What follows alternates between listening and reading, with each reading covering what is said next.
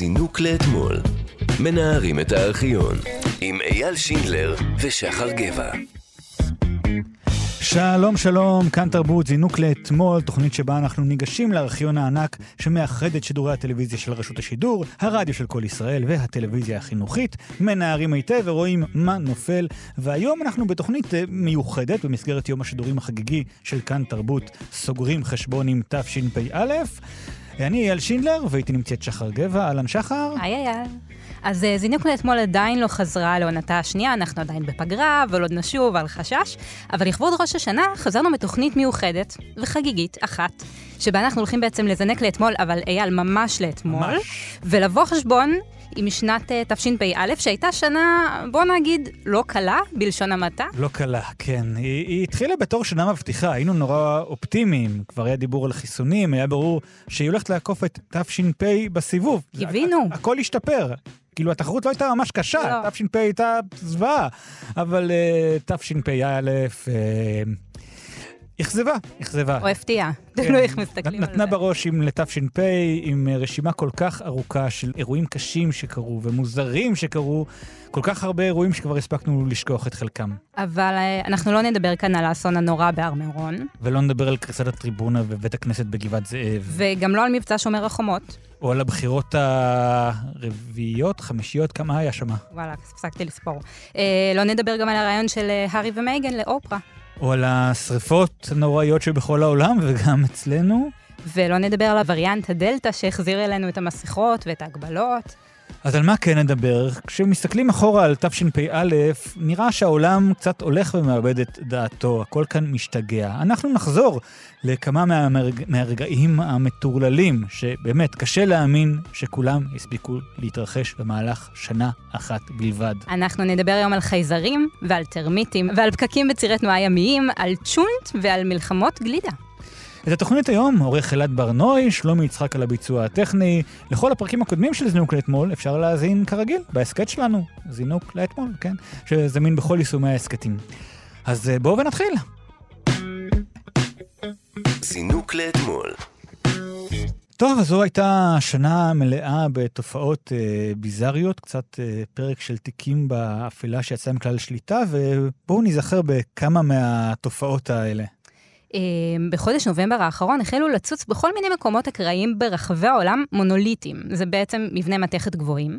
בהתחלה היה ביוטה, אחר כך ברומניה, אה, בגרמניה, בקליפורניה, כשאף אחד לא מצליח להסביר איך הם הגיעו לשם. התעלומה שמסעירה את העולם הגיעה לקליפורניה. My son just showed me something on social media, so we decided to make the hike at the last minute. Pretty sure it wasn't here yesterday. היום צץ שם מבנה מתכת מסתורי, מעין אובליסק. איש אינו יודע מי עומד מאחוריו. בארצות הברית מכנים את המבנה מונוליט, זכר לאותו מונוליט על הירח מהסרט אודיסאה בחלל של סטנלי קובריק משנות ה-60. ייתכן שמדובר במעריצים של הסרט שהם מנסים לייצר קצת עניין בתקופת הקורונה, אולי בסוג של אומנות חתרנית, ויכול גם להיות שמדובר פשוט בתעלול יחצני שמטרתו לייצר כותרות. עכשיו, זה מוזר, ומה שהופך את זה לעוד יותר מוזר, הוא שאחרי זמן קצר המונוליטים נעלמו. פשוט נעלמו, כאילו, וואו. התאדו כלא היו. אה, חובבי תיאוריות הקונספירציה כמובן, וחובבי חייזרים, קיוו שמדובר בעצם באיזשהו מסר מהחלל החיצון. מאוד אה, סביר. מאוד סביר. אה, אבל אה, ככל הנראה מדובר באמת בעבודת אומנות, עבודות אומנות ברבים, אה, שפוזרו ונאספו בחזרה כדי לעורר פשוט כותרות. ואני שואלת אותך, אייל, לא חבל להשקיע כל כך הרבה? לא, וגם אם זה אומנות, אז אוקיי, אז אתם אמורים, תשאירו. אמורים אה, למכור את זה כבר, לעשות עם זה איזה קופה. או להשאיר, זה יכול להיות גם אחלה מקום לעלייה לרגל. זוכרים שהייתה תיאוריית קונספירציה של חייזרים? זה קרה ממש פה.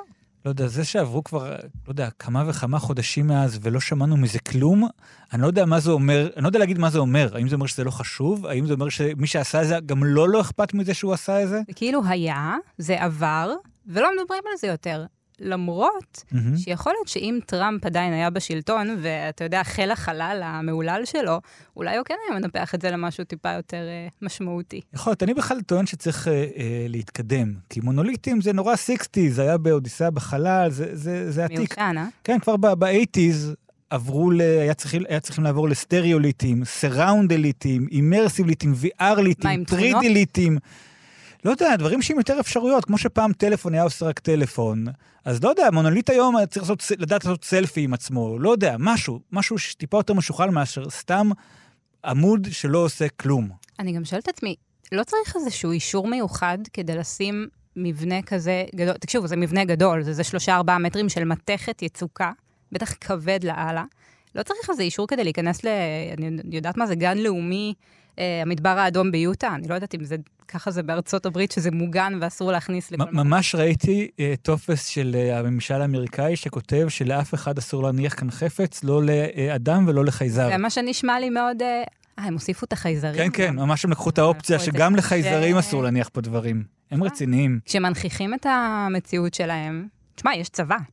כן. או מחלקה מסוימת ב-FBI זה, איפה הם הקימו את המחלקה הזאת? שה, שהמטרה שלה זה בעצם לחקור את כל עניין החייזרים. כן, וגם זה היה לנו השנה.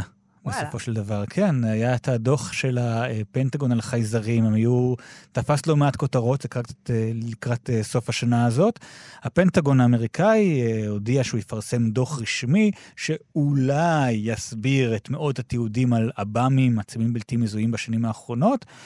אה, כולל כאלה מצד מקורות מאוד אמינים, כלומר, צילומים שחיל האוויר האמריקאי פרסם, לא איזה אה, חוואי הודי שצילם משהו בטלפון, לקח את זה לפוטושופ וצייר שם, אה, לא יודע מה, כן, עכשיו, אני, אני ראיתי את ה... את, אתם גם יכולים לגגל אה, את הסיפור הזה ולראות את התמונות, זה באמת נראה מאוד מוזר.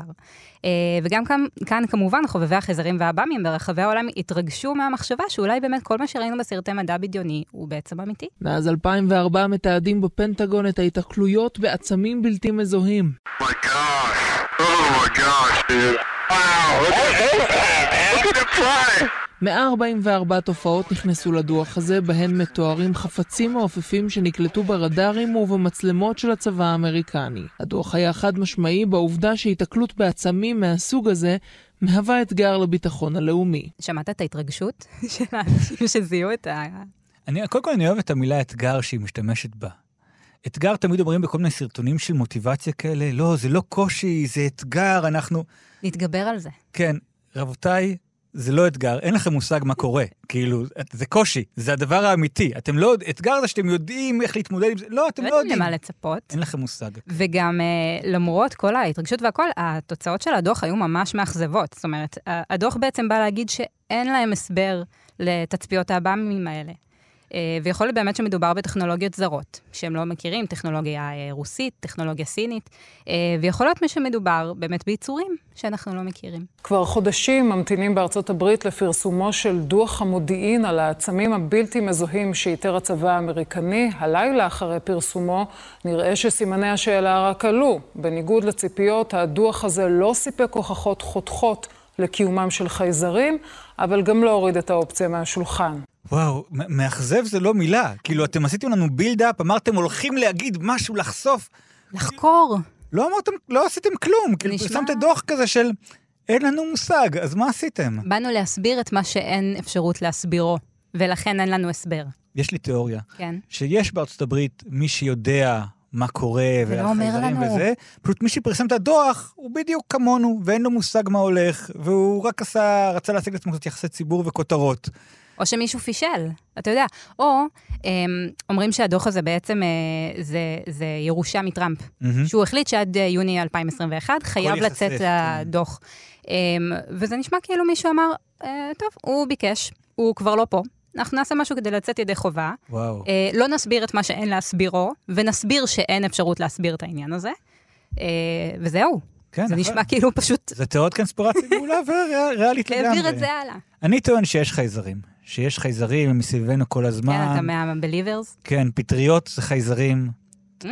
תבדקו ספרי מדע, תקראו על פטריות. וואי, ראיתי מחקר. תמנונים, תמנונים זה חייזרים. כן, האמת לא- שיש בזה משהו. הם לא מהכוכב הזה, אין אה, מצב. מורתי התמנונית ראית? תמנונית? האמת שלא, אבל אני חובב תמנונים אה, אה, בלי קשר. אז זה קצת מסביר את זה. יש עוד כמה טיפוסים שאני מכיר שהם חייזרים. חלקם עובדים... אנשים? חלקם עובדים איתנו פה בעיר, לא משנה. בינינו, סביבנו. כן, כן, חיים בינינו. עכשיו, יש, מן הסתם יש דברים שאנחנו לא מבינים עד הסוף, כן? גם המדע לא יכול להסביר uh, הכל. למשל, uh, uh, רפואה שעוזבת, או סליחה, רפואה שעובדת על uh, ניסוי וטעייה וסטטיסטיקה. כן, זה ככה רפואה עובדת. כן. הם לא באמת כדי... מפתחים ויודעים. לא, הם מפתחים ואז בואו ננסה, נראה אם זה עובד. כאילו, או למשל, איך מטוסים עפים. כן. העיקר לא באמת. להתמגן מפני הדברים שאנחנו לא מכירים, כמו למשל להתחסן ולשים מסכה. זה חשוב. למשל. זה חשוב. לא, בלי קשר לכל מה שדיברנו עליו, חשוב להתחסן ולשים כן. מסכה, תעשו לך החיסון השלישי, כמובן, אני חוסנתי. גם אני חוסנתי. יפה, ברור, יום שלם. לא יכלתי להזיז את היד, אבל בסדר. אני הייתי עם חום של 38 אוי וחצי ואבוי. מעלות אה, אחר צהריים נעים. רגע, אייל, אם יגיעו חייזרים לישראל, לאן היית ממליץ להם להגיע? איפה, איפה זה- שינחתו, זה קל, איפה שיעשו? זה דווקא קל, יש מקום אחד אפשרי. קריית ספר? פתח תקווה. אה, אוקיי. פתח תקווה, זה המקום, זה מרכז אתה הארץ. יודע משהו? זה כמעט קרה. Hmm, בואו בוא נעבור אה, לדבר על טרמיטים. לא סתם טרמיטים, טרמיטי על, שאיפה התגלו? מכל. מכל הארץ. טוב, אז הרמנו, פתח תקווה. כמובן. כן. אז אנחנו לא צריכים ללכת רחוק כדי למצוא יצורים מוזרים ומבעיתים. בשנה האחרונה נשמעו כל מיני דיווחים על צרעות רצחניות וציקדות נוראיות אה, בארצות הברית, אבל גם אצלנו התגלה מי שנחשב לטרמיט המזיק ביותר בעולם, טרמיט העל הפורמוזי, אה, ומכל המקומות בעולם בפתח תקווה, וזה גועל נפש. טרמיט פורמוזי נקרא גם אה, טרמיט על. אז מסתבר שהטרמיט הזה הוא חלק מתופעה עולמית של אה, מינים פולשים שבשנים האחרונות מאוד מטרידה אותנו. יש לנו ניסיון רע בשנים האחרונות עם כמה מינים כאלה.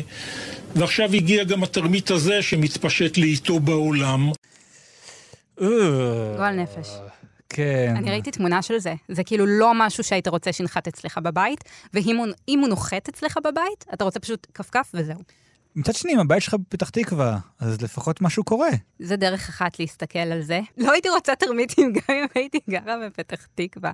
תשמע, הם אוכלים הכל. אז אה, אוקיי, אבל מה, מה זה בעצם התרמית הזה? למה הוא מפחיד אותנו כל כך? כל מוצרי העץ, נייר, קרטון, בתים שעשויים מעץ, דיק, כל מוצרי העץ, והטרמיט הזה יודע לאכול גם אה, עצי פארק, עצי גינה, וכמו שהוא יודע לעשות את כל מה שהטרמיטים האחרים עושים, הוא עושה את זה הרבה יותר טוב, הוא מקיים מושבות מאוד מאוד גדולות של מיליוני פרטים, הוא עושה חיפוש מזון בטווחים אה, מאוד גדולים, מתרבה בקצב, ובעיקר, בעיקר, מאוד לא בררן במזון.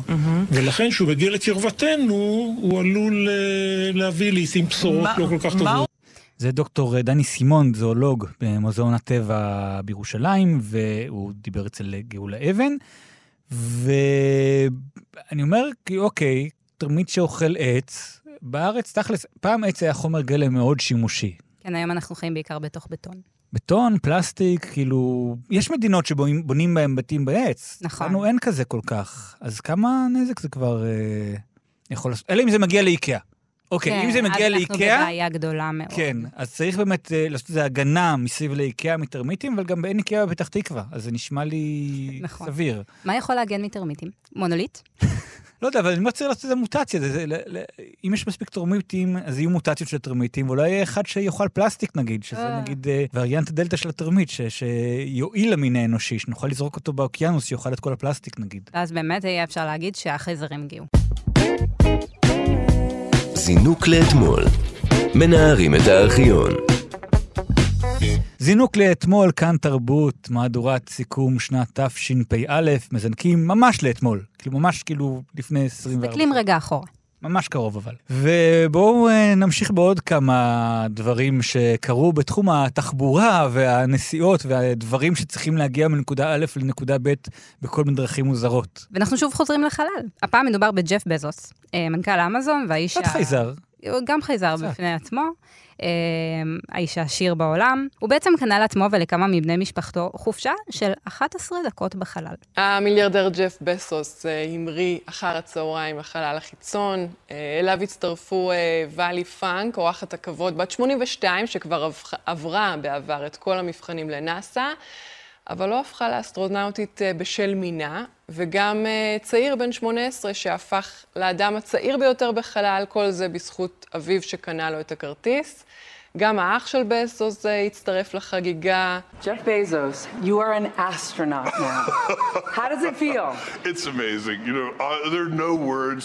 Uh, it was a perfect mission. Uh, we were, I don't, I'm not talented enough to put this into words. The accelerating G forces and how that felt your skin pulled back and pushed into the seat. And then zero G comes so suddenly, and then you're just floating. אתה מבין שכאילו יש לו כל כך הרבה כסף, שכבר אין לו מה לעשות עם זה, שמספיק לו 11 דקות בחלל, וגם, בוא, למה רק 11 דקות? אתה כבר טס לחלל, תשאר שם חצי שעה, תרחף קצת, תראה מה קורה לחלב כשאתה מוציא אותו מקרטון. זה נשמע, הוא נשמע כל כך ילדותי.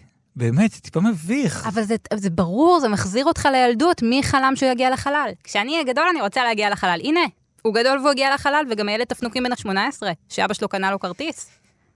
וואי, למה אני לא ילד תפנוקים? יואו, איזה ילד שמנת אתה צריך להיות. עשית לי עכשיו חשק להיות ילד תפנוקים, אני לא הכרתי את המונח עד, הרגע, ועכשיו אני רוצה, מצטער שלא הייתי כזה. מעניין אם יצא לו בבזוקה שהוא היה קטן, עד גיל 18 תגיע לחלל, ואז הופה, הוא בגיל 18, הוא מגיע לחלל. לא יודע, נראה לי נורא משעמם להיות האיש הכי עשיר בעולם. מה אתה עושה עם כזה? אתה יכול להגיע לכל מקום, ואתה בוחר להגיע למקום היחיד שבו באשכרה לא קורה כלום. שום דבר לא קורה שם. אין שם סאונד, אין שם...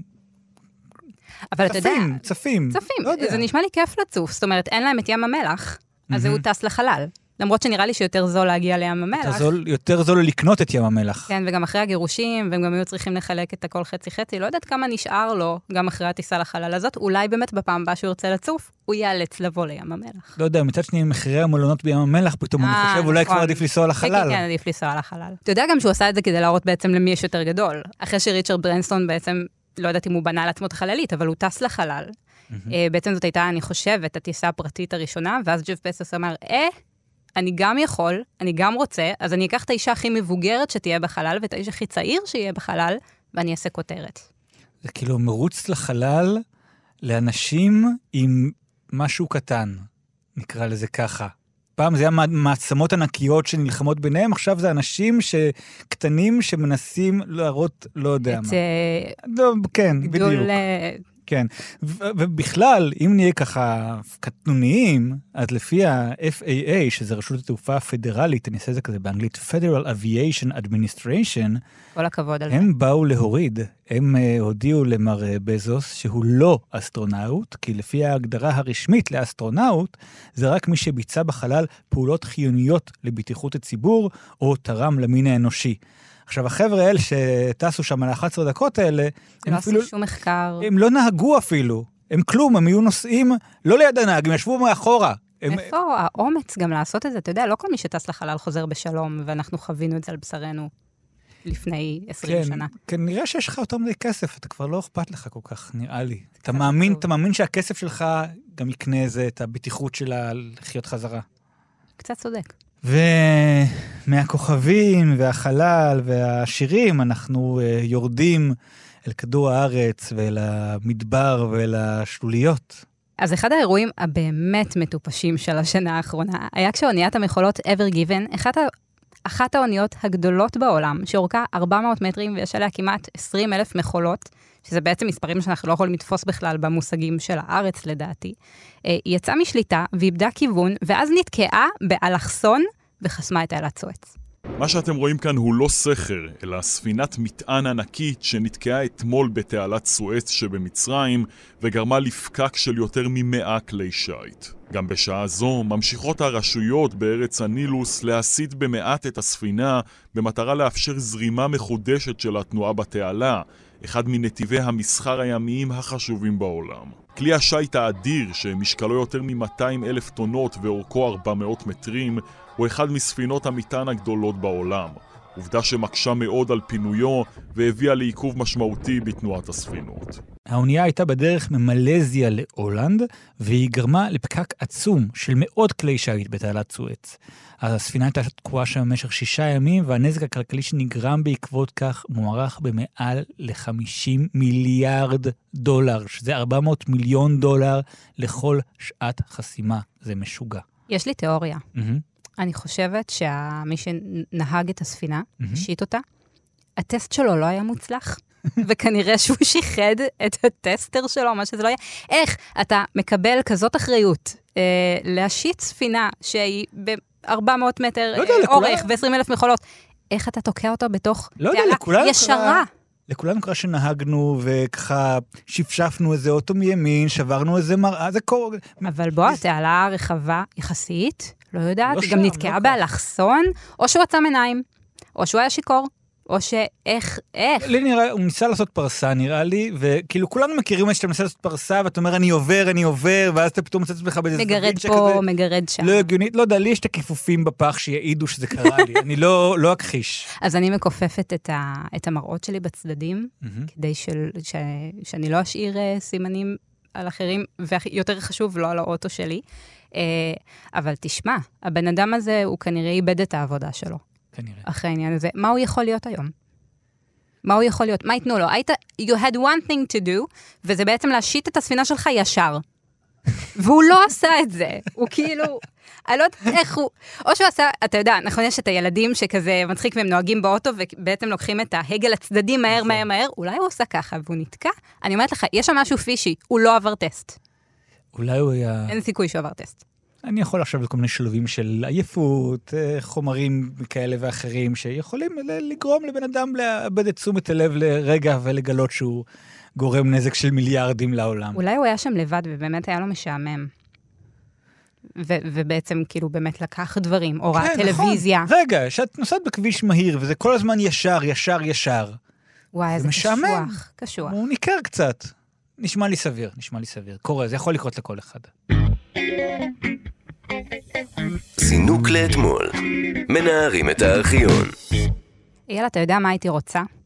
שבתמורה לכל חיסון שאני הסכמתי לעשות, שזה שלושה עד עכשיו במספר, אנחנו לא סופרים קדימה, כי מי יודע מה יהיה, היו נותנים לי איזה פרס אכיל. הייתי ממש שמחה לקבל פרס אכיל. אה, זה קרה. על כל חיסון. הדבר הזה קרה במקומות מסוימים. הט- הטרלול המרכזי בחיינו בשנה וחצי האחרונות זה כמובן הקורונה, וזה גרם להמון דברים מוזרים. אחד הרגעים המוזרים האלה היה בפברואר, כשעיריית בני ברק יצאה במבצע עידוד חיסונים, צ'ולנט תמורת חיסון. כדי לעודד התחסנות ולהמשיך בתנופה החיובית הזאת, בבני ברק מצאו פתרון יצירתי. כאן אה, מבני ברק, כאן אה, בעצם עורכים הלילה לילה ירוק, בעצם מקביל ללילה הלבן בתל אביב, שבעצם כל מי שמגיע להתחסן, אה, לא משנה מה הגיל, בכל קופות החולים עד השעה 12 יוצא הביתה עם הערכה הזאת, כמו שאפשר לראות, יש פה את הצ'ונט. יש פה את הארבס, יש פה את הלחמניה, שבעצם סוגר את הפינה עם הצ'ונט, וזה בעצם כדי להמריץ את אותם, אה, בעיקר צעירים, שיבואו אה, להתחסן. אוקיי, זה נשמע הזוי, אבל זה אמיתי לגמרי, זה קרה. באת להתחסן, קיבלת צ'ונט? וארבס, את, את, את יודעת לא להגיד לי מה זה יודעת מה ארבס? זה. לא. מעבר לזכוכית מישהו יודע מה זה ארבס? אוקיי, אלעד העורך מעדכן אותנו שמדובר בגרגירי החומוס עם הכמון, כמובן, שיש בבית כנסת. שנייה רגע, זה ארבס. מוגש עם צ'ולנט או עם חמין? זה מוגש עם צ'ולנט. אוקיי. אני, אני, אני ברובי אשכנזייה ואני לא מכירה את העניין הזה. אני לא ידעתי שכך זה נקרא, אך אני מכיר את התופעה, מכבד אותה ומעריך אותה, זה טעים. עכשיו, בזכות השורות שורה. האלה, כן, שאנשים קיבלו, התשורה הקולינרית, מאות uh, צעירים באמת הגיעו להתחסן בלילות uh, בבני ברק, אבל תכלס uh, רובם העידו שלא באו בשביל לאכול שהות ובשר, אלא כי הרבנים פשוט הורו להם ללכת להתחסן. שזה גם לקח, אה, אם אני לא טועה, קצת זמן, לקח אבל... אה, אבל אבל קרה בסופו של דבר האחוזים הכל מאוד קרה, יפים נכון, בכל המגזרים, ו- והכל בסדר. ווואלה, אני מאוד בעד התשורה הזאת. אני מאוד בעד ש- שיבואו לגרות את האנשים לעשות משהו תמו- אה, בתמורה למשהו. זאת אומרת, מה אני למשל? מפח... מה, מה היית רוצה לקבל מתנה? אולי תיסע לחלל עם בזוס? אני חושב שאפשר לפתור את זה הרבה יותר בזול. נגיד, אני מכיר אלפי ישראלים שאם היית נותנת להם אה, אה, חמש חיים בקנדי קראש, היו באים להתחסן. אני הייתי לוקחת את זה. אה, בתקופות מסוימות, שפוקימון גו שהיה עניין, אם היית מחלקת איזה פוקימון אדיר, מלא אנשים היו מגיעים להתחסן. גם משהו אכיל, הייתי שמחה למשהו אכיל. אבל- סושי, הייתי מסכימה תמורת סושי ללכת להתחסן. אני חושב... אבל בוא, בסוף עשינו את זה בחינם הרי, נכון? לא נתנו לנו שום דבר, אנחנו לא נתנו שום דבר. כוס מים לא קיבלתי. סתם חסכו עליך, אני קיבלתי כוס מים. וממזון אה, תמורת חיסונים נעבור אה, למזון תמורת חרמות. תמורת אה, שטחים. טרנד, כן, שטחים תמורת מזון. אז אם אה, יש משהו שאותי באופן אישי היה מעודד להתחסן, זה גלידה בכל זמן, שעה ועונה. וביולי השנה, חברת בן אנד ג'ריז יצאה בהודעה מטלטלת והכריזה שתפסיק למכור את מוצריה בהתנחלויות מעבר לקו הירוק. אתמול, לפנות ערב, פורסמה הודעה מטעם חברת בן אנד ג'ריס העולמית, נפסיק למכור את המוצרים שלנו בשטחים הפלסטינים הכבושים, ומאז ישראל והעולם סוערים. מאז ששמעתי את ההחלטה על בן אנד ג'רי, שזה קרה אתמול, וקניתי, לא קניתי אותם. את לא תקני יותר. אותם לא. אם הם לא ישנו את דעתם? למה להחרים? בינתיים היהודי הוא חבר'ה שלנו, לעזור לחבר'ה שגרים שם ב... בקריית מלאכי. מה שקניתי לפני שעה, אני לא אקנה שוב עד הפעם הבאה שאני אקנה בעוד שעה. משהו כזה זה היה. אני, אני גם... גם לא הבנתי מה היא רוצה, אבל אל תעשי לנו את זה, גברת, אל תעשי לנו את זה. האמת שכשאני קראתי את, ה... את, ה... את הידיעה הזאת, mm-hmm. קודם כל, נורא נורא כאב לי על המפעל. ואז באמת קראתי את הריאיון עם, ה... עם ה... באמת יצאה קריאת נגד למען כן, המנהל, הפועלים הישראלים שעובדים ומייצרים את הגלידה הזאת. הבעלים של הזיכיון בארץ באמת יצא בקריאה כזאת של אה, אל תפסיקו אה, לקנות אותנו, כי. בסוף זאת הפכה להיות ידיעה מכעס מאוד גדול שהיה בקריאה הראשונה לעצב. אולי זה בכלל היה תרגיל יח"צ של בן ג'ריז, כדי ש... אני לא יודע, אני כבר... מה קורה עם זה היום? הפוך על הפוך על הפוך. בעצם אנחנו לא יודעים בשלב הזה אם יש זכיין חדש שיסכים לא למכור בהתנחלויות, זה מה ש... משהו כזה, כן. כרגע בינתיים מוכרים והכול כרגיל, והעובדים הישראלים מייצרים, ויש טעמים טבעוניים חדשים, והכול בסדר. זינוק לאתמול. מנערים את הארכיון. כאן תרבות, זינוק לאתמול, סוגרים חשבון עם תשפ"א, חוזרים אה, לארכיון של כאן הפעם, לארכיון שלנו, ומסתכלים מה קרה בשנה האחרונה. ואנחנו מתקרבים לסוף התוכנית. דיברנו היום על יצורים מוזרים ועל חייזרים ועל פקקי תנועה שעולים מיליארדים, על מלחמות סביב אוכל, אבל לפעמים הביזאר הגדול ביותר קורה במקום שאמור להיות מעוז הסדר והנורמליות. אה, כן, בינואר האחרון, לקראת השבעת ג'ו ביידן לנשיאות ארצות הברית, דונלד טראמפ יצא בנאום משלהב, שקרא לתומכים שלו שלא לקבל את ההחלטה, ושהבחירות בעצם נגנבו ממנו. הם מצידם הקשיבו לו, ועלו לגבעת הקפיטול בוושינגטון במה שהתחיל כהפגנה. נתן גוטמן, כתבנו בוושינגטון, אתה אה, מדווח לנו מהפגנה של תומכי טראמפ שצועדים לגבעת הקפיטול, כפי שטראמפ אה, ביקש מהם לעשות אה, לפני שעה קלה בנאום שלו. כן, דוריה, זה מה שאנחנו רואים כאן מסביבנו, ההמונים האלה ששמעו את דונלד טראמפ מחוץ לבית הלבן, קורא להם לצאת ולמחות נגד האשרור הסופי של אה, האלקטורים שמתרחש כאן בקפיטול מאחורינו, הם עכשיו זורמים לכיוון הקפיטול, יש אפילו כבר כמה עימותים קטנים בין המשטרה לבין המפגינים שמנסים לפרוץ לתוך גבעת הקפיטול, אבל באופן כללי ההפגנה הזאת שקטה. עכשיו, שקטה היא לא הייתה. וכזכור לכולנו, התוצאות של ההפגנה הזאת היו אחד האירועים הקשים והקיצוניים של השנה האחרונה. וגם הביזאריים. וגם הביזאריים, מאוד. אה, ויש תחרות.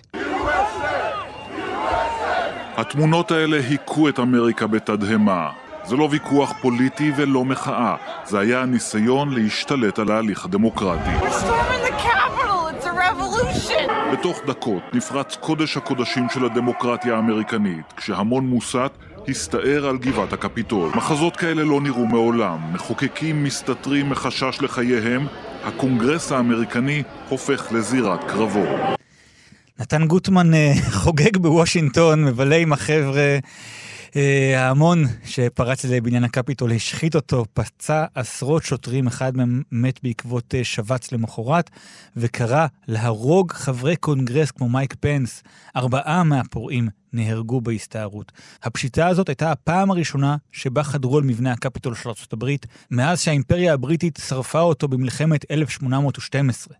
והפעם הראשונה שבה הוזעק צבא ארצות הברית להגן על הרשות המחוקקת מאז מלחמת האזרחים האמריקנית. כל פעם שאנחנו חושבים ששמענו את הדבר הכי מוגזם שעשו באמריקה, הם כאילו כל פעם מפתיעים אותנו מחדש. אבל אנחנו יכולים לדבר על, כאילו, נכון, הרוגים, פצועים, אסון, התלבושות. התלבושות. התלבושות, זה מה שמעניין שם. תכלס, אם הם היו פורצים לשם סתם כזה עם אלות וזה, כאילו בסדר, כבר ראינו כאלה. כן, אבל מה, מה זה התחפושות האלה? תלבשו משהו נורמלי, אתם באים לעשות מהפכה, למה אתם מתלבשים כמו ליצנים? מה רצית שהם ישימו כובע צילינדר וז'קט? אתם, לא יודע, אתם רוצים לתפוס את השלטון, זה לא. מכובדים. כאילו. אי אפשר להסתער עם עלה כשאתה לבוש בחליפה. אמרו לי שזה לא, אני לא יודעת. לא, וכי קרניים וזקן וניטים, עם זה קל להסתער. זה מישהו שעשה קורס בתקשורת ושיווק. בדוק. הוא יודע איך לתפוס מצלמה, הוא יודע איך אה, לתפוס את תשומת הלב של האנשים, והוא הצליח. מעניין אם הוא קיבל קמפיינים בעקבות הדבר הזה. יו, אני מקווה שלא, אני לא מוכנה לראות אותו יותר בחיים. אבל זה מצחיק שאנחנו מצקצקים עליהם, מהמם. כי גם אצלנו בכנסת לא היה מדהים. אוקיי, בוא נגיד שכשהיה חילופי שלטון אצלנו, ושנראה שהולכים להיות חילופי שלטון אצלנו, תמיד אמרנו, מה יקרה? האם יהיה פה הקפיטול 2? האם תהיה גם כאן הסתערות על הכנסת? בוא נגיד שאצלנו השמירה על הכנסת, גם בשגרה, לא כשיש הפגנות, היא טיפה יותר קשוחה מאשר השמירה על הקפיטול, שנראה שפשוט אפשר להיכנס בגדול. אתה חושב שזה המצב שם? שפשוט אפשר... ככה זה נראה, לא יודע. או שהם פשוט פחדו מאנשים שלבושים כמו זאבים ששעטו לעברם. אמ, אז גם אצלנו במשכן הכנסת היו פרעות משלנו, אמנם לא הייתה אלימות פיזית, אה, בכל זאת עדיין זה לא אמריקה פה, אבל עדיין בהשבעת הממשלה החדשה ביוני האחרון, אה, אני אישית, ואני בטוחה שעוד הרבה מכם, אה, התכווצו ב- במקומם במבוכה. אה, כשחברי כנסת ושרים צעקו וקיללו אה, בזמן הנאום של ראש הממשלה הנכנס, נפתלי בנט. לפני שנצלול לתוך אה, נאומו האחרון של בנימין נת- נתניהו כראש ממשלה, אולי תזכורת לאיך התחיל הדיון הזה, ממש בשעה ארבע, הנה. גברתי, נשיאת... חבר הכנסת סמוטריץ', נא להוציא אותו מהמליאה מיד. את חברת הכנסת וולדיגר, נא להוציא מהמליאה. את חברת הכנסת סטרוק, נא להוציא מהמליאה מיד. בשם כלל אזרחי מדינת ישראל. חבר הכנסת אה, בן גביר, נא להוציא אותו מהאולם מיד. חבר הכנסת מלכיאלי. השר אמסלם, חברת הכנסת אה, מאי גולן, אני קורא אותך לסדר פעם שנייה. נשמע שפה היו צריכים להזעיק את הצבא והמשמר הלאומי, כי משמר הכנסת אין לו מספיק כוח אדם להוציא כל כך הרבה אנשים אה, בו זמנית מהמליאה. הוא גם העיר להם בכזאת פסיביות. חברת הכנסת מאי גולן. זה היה באמת מביך. זה היה זה היה מאוד מביך. אני זוכרת שישבתי בסלון ואמרתי, יא, משדר חגיגי, השבעת כנסת, נאום של ראש ממשלה חדש, פותחת את, את הטלוויזיה, ולא מצליחה לשמוע כלום. לא יודע. איזה מביך. אני, כיוון שאני ציפיתי להסתריות של אזרחים, למלחמת אזרחים, אז ה... לא נעים להגיד, קצת קשקושים במליאה שמה, זה נראה לי הרע במיעוטו, וזה נראה לי, אוקיי, שי... שיריבו התינוקות, התינוקים. כן, הם היו ילדים, ממש ילדים. זה היה כאילו כמו גן של הוא לקח לי, אז אני אצעק עליו ואני אביא את הגננת ש... אני, אני מכיר, יש לי חבר שלא מזמן עבר לעבוד אחרי שנים בערוץ הילדים, עבר לעבוד בערוץ הכנסת. וואו. והוא באמת אה, תיאר לי איזה כלעבור לעבוד מבית ספר, לעבור לעבוד בגנון. אה, בעצם סקאלה הפוכה. יר, כן, כן, הוא לגמרי, הר- הרמה ירדה, תוכן, האיכות של התוכן של המשדרים, יר, הכל יותר נמוך, כאילו. אתה יודע, ילדים אומרים שאין להם פילטרים. מהמם. הם אומרים אמת. כן. אז אה, יכול להיות באמת שהפוליטיקאים שלנו צריכים ללמוד דבר או שניים מגן ילדים. כן. ככה לא מתנהגים, חמודים. שם יש רק פילטרים, נראה לי.